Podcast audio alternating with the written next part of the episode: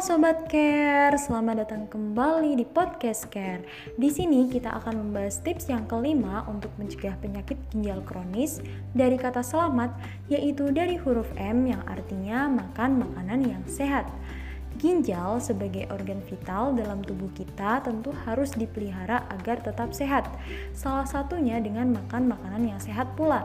Misalnya nih dengan memperbanyak buah dan sayur, menghindari terlalu banyak konsumsi makanan yang mengandung dan purin seperti misalnya pada jeroan karena perlu sobat care ingat, makan makanan yang banyak mengandung purin seperti jeroan itu dapat meningkatkan asam urat yang bisa mengganggu fungsi ginjal loh sobat care. Seperti itu sobat care.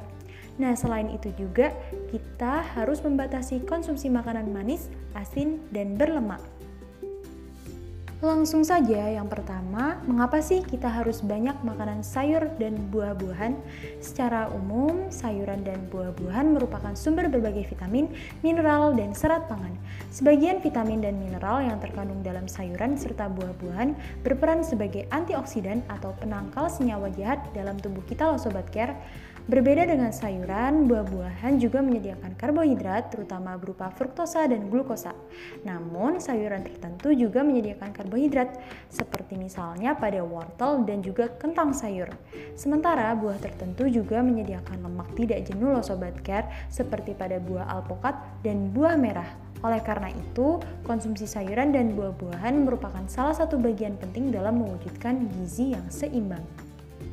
Berbagai kajian juga menunjukkan bahwa konsumsi sayuran dan buah-buahan yang cukup turut berperan dalam menjaga kenormalan tekanan darah, kadar gula darah, dan kolesterol darah.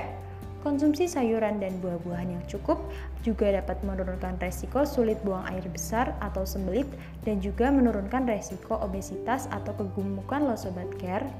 Hal ini menunjukkan bahwa konsumsi sayuran dan buah-buahan yang cukup turut berperan dalam pencegahan penyakit tidak menular kronik, yaitu misalnya penyakit ginjal kronis. Badan Kesehatan Dunia WHO secara umum menganjurkan konsumsi sayuran dan buah-buahan untuk hidup sehat adalah sejumlah 400 gram per orang per hari yang terdiri dari 250 gram sayuran atau setara dengan 2,5 porsi atau 2,5 gelas sayur setelah dimasak dan ditiriskan. Dan konsumsi buah sebanyak 150 gram atau setara dengan 3 buah pisang ambon ukuran sedang atau juga setara dengan 1,5 potong pepaya ukuran sedang atau juga setara dengan 3 buah jeruk ukuran sedang. Gitu sobat care. Selanjutnya mengenai konsumsi makanan manis, asin, dan berlemak yang perlu dibatasi.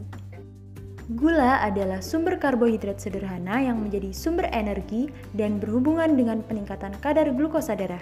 Gula, misalnya gula pasir, biasa digunakan untuk menambah rasa manis pada makanan dan juga minuman. Gula bisa berbentuk sederhana seperti gula pasir tadi, namun juga bisa dijumpai dalam gula kompleks yaitu kelompok gula yang mengandung zat gizi karbohidrat, serat, mineral, vitamin yang contohnya ada pada nasi, jagung, gandum, dan juga singkong.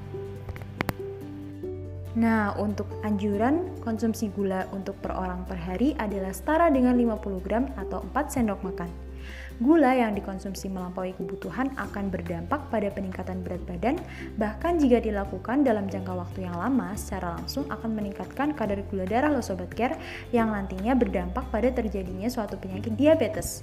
Diabetes ini juga merupakan salah satu faktor resiko dari penyakit ginjal kronis. Yang kedua, mengenai konsumsi garam. Pasti Sobat Care sudah tahu kan bahwa garam mengandung salah satu zat yaitu natrium yang dibutuhkan oleh tubuh dalam jumlah kecil yaitu untuk mengatur kandungan air di dalam tubuh, membantu menghantarkan impuls saraf ke otak dan juga berperan dalam kontraksi serta relaksasi otot kita loh Sobat Care. Untuk anjuran konsumsi garam per orang per hari adalah 5 gram natrium atau setara dengan 1 sendok teh atau 1 sendok kecil karena konsumsi natrium yang berlebihan bisa mempengaruhi kesehatan, terutama meningkatkan tekanan darah. Bagaimana bisa seperti itu ya Sobat Care? Jadi gini, natrium memiliki sifat yaitu dapat menahan atau menyerap air sehingga dapat meningkatkan volume darah yang masuk ke jantung dan berakibat pada kenaikan tekanan darah. Di mana kenaikan tekanan darah ini juga dapat mengakibatkan kerusakan ginjal dan berujung pada penyakit ginjal kronis. Oleh karena itu, kita harus mulai membatasi konsumsi garam ya Sobat Care. Yang ketiga, mengenai konsumsi lemak. Jadi, Sobat Care perlu tahu nih bahwa tubuh kita membutuhkan lemak untuk sumber cadangan energi, media untuk transportasi vitamin A, D, E, dan K, serta membantu menekan rasa lapar. Dengan cara memperlambat pengosongan pada lambung sehingga rasa kenyang dapat bertahan lebih lama. Selain itu, lemak juga dapat menambah cita rasa pada makanan. Nah, pasti Sobat Care sudah tidak asik lagi dengan keluarga lemak yang namanya kolesterol. Kolesterol ini adalah lemak yang terdapat di dalam aliran darah atau sel tubuh yang dibutuhkan oleh tubuh untuk pembentukan dinding sel di dalam tubuh kita dan juga pembentukan hormon. Kolesterol sifatnya tidak tercampur dalam darah, sehingga perlu berikatan dengan pengangkutnya yaitu lipoprotein. Kolesterol dibedakan menjadi LDL dan HDL, di mana LDL mengandung lebih banyak lemak daripada HDL. LDL dianggap sebagai lemak jahat karena dapat menyebabkan penyumbatan dinding pembuluh darah, terutama pembuluh darah kecil yang menyuplai makanan ke jantung dan otot. Bahan makanan sumber LDL di antaranya adalah yang mengandung susu seperti mayonaise dan krim. LDL juga terdapat dalam daging dan jeruan serta makanan olahan seperti sosis, kornet, nugget, dan juga makanan komersial seperti kue tart, cookies, donat, sampai makanan ringan seperti keripik. Oleh karena itu, kita harus membatasi konsumsi makanan kolesterol yang mengandung LDL itu ya Sobat Care. Selanjutnya ada HDL seperti yang tadi sudah disebutkan. HDL disebut sebagai lemak yang baik karena HDL membersihkan kelebihan LDL dari dinding pembuluh darah dan mengangkutnya ke hati. HDL memiliki kandungan lemak yang lebih sedikit dan mempunyai kepadatan tinggi loh Sobat Care. Bahan makanan sumber HDL di antaranya ada alpukat, minyak kelapa murni, ikan seperti misalnya salmon, makarel, tuna, dan juga pada kacang-kacangan. Untuk anjuran konsumsi dari lemak, minyak per orang per hari adalah 5 sendok makan.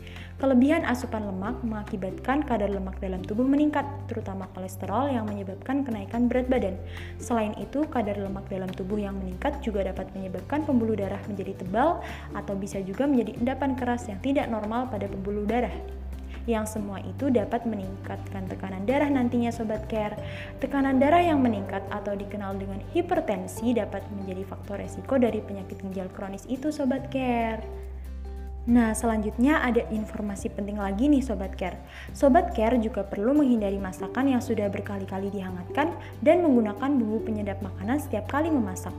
Perlu Sobat Care ingat, bumbu penyedap masakan banyak mengandung bahan kimia yang menimbulkan efek tidak baik bagi kesehatan, serta masakan yang berkali-kali dihangatkan dapat meningkatkan kadar kolesterol jahat atau LDL tadi. Bila terlalu banyak LDL, kolesterol akan menumpuk di dinding pembuluh darah yang kemudian dapat meningkatkan tekanan darah sehingga dapat menjadi faktor resiko dari penyakit ginjal kronis itu tadi Sobat Care. So, mulai sekarang, mari kita sayangi tubuh kita, Sobat Care. Sayangi ginjal kita dengan makan makanan yang sehat setiap hari, memperbanyak buah dan sayur, menghindari terlalu banyak konsumsi makanan yang mengandung lemak dan purin, seperti pada jeruan tadi, serta juga harus membatasi konsumsi makanan manis, asin, dan berlemak, seperti yang tadi sudah dijelaskan ya Sobat Care. Oke deh, sekian dulu dari aku Lita, Iva, dan Agnia. Semoga bermanfaat ya Sobat Care. See you next time.